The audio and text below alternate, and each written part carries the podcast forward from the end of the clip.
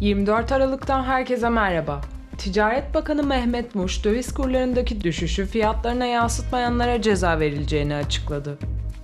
Türkiye'den gelişmeler. TÜİK, sosyal koruma harcamaları GSYH'nin %13'üne yükseldi açıklamasını yaptı.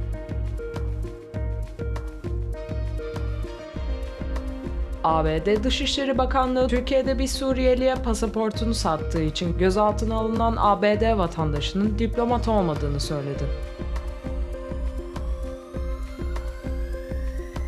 Rusya Devlet Başkanı Vladimir Putin, Merkez Bankası'nın bağımsız ve ihtiyatlı para politikası izlemesine izin vermezsek sonumuz Türkiye gibi olur açıklamasını yaptı. İstanbul 13. Ağır Ceza Mahkemesi Osman Kavala'nın tutukluluk halinin devamına karar verdi. Kemal Kılıçdaroğlu, Cumhurbaşkanı Erdoğan'a yönelik kişilik haklarını ihlal eden sözleri nedeniyle 80 bin lira tazminat ödeyecek. Mamak Belediyesi kış boyunca öğrenci evlerinin internet ve doğalgaz ücretlerini karşılayacak. Merkez Bankası kur korumalı TL vadeli mevduatlar için kullanılacak dolar TL alış kurunu 11.64 olarak belirledi. Anadolu Ajansı'nın diplomatik kaynaklara dayandırdığı haberine göre Türkiye ve Katar'ın Afganistan'ın başkentinde Kabil Havalimanı'nın işletmesi konusunda anlaştığı belirtildi. Türkiye'den teknik bir heyetin Katar tarafıyla koordinasyon kurmak üzere Doha'ya geldiği ifade edildi.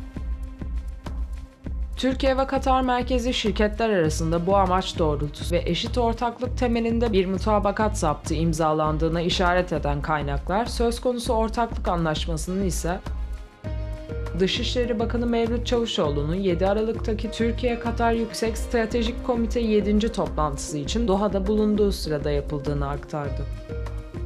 Dünyadan gelişmeler.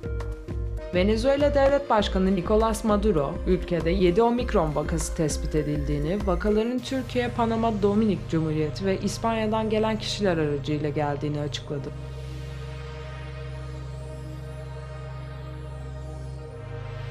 ABD Başkanı Joe Biden, 2024 seçiminde yeniden aday olup olmayacağına ilişkin soruya sağlığımın iyi olması durumunda evet yanıtını verdi.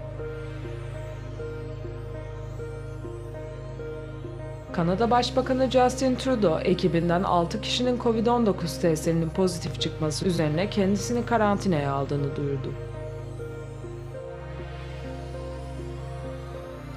1989 Tiananmen Meydanı protestolarında katledilenleri anan Hong Kong Üniversitesi'ndeki ünlü heykel yıllardır bulunduğu yerden kaldırıldı.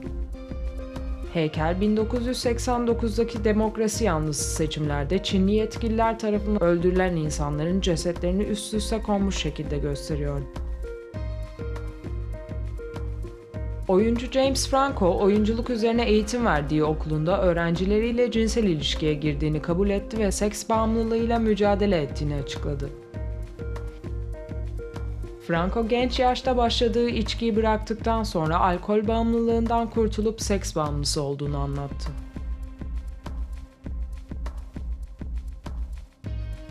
Almanya 100 milyon avro değerindeki kripto parayı banka aracılığıyla nakit paraya çevirdi. Kripto paralar bu yılın başlarında uyuşturucu kaçakçılarından ele geçirilmişti. Novus'ta gelişmeleri dinlediniz. Bizlere morning@novus.press mail adresi üzerinden ulaşabilirsiniz. Hoşçakalın.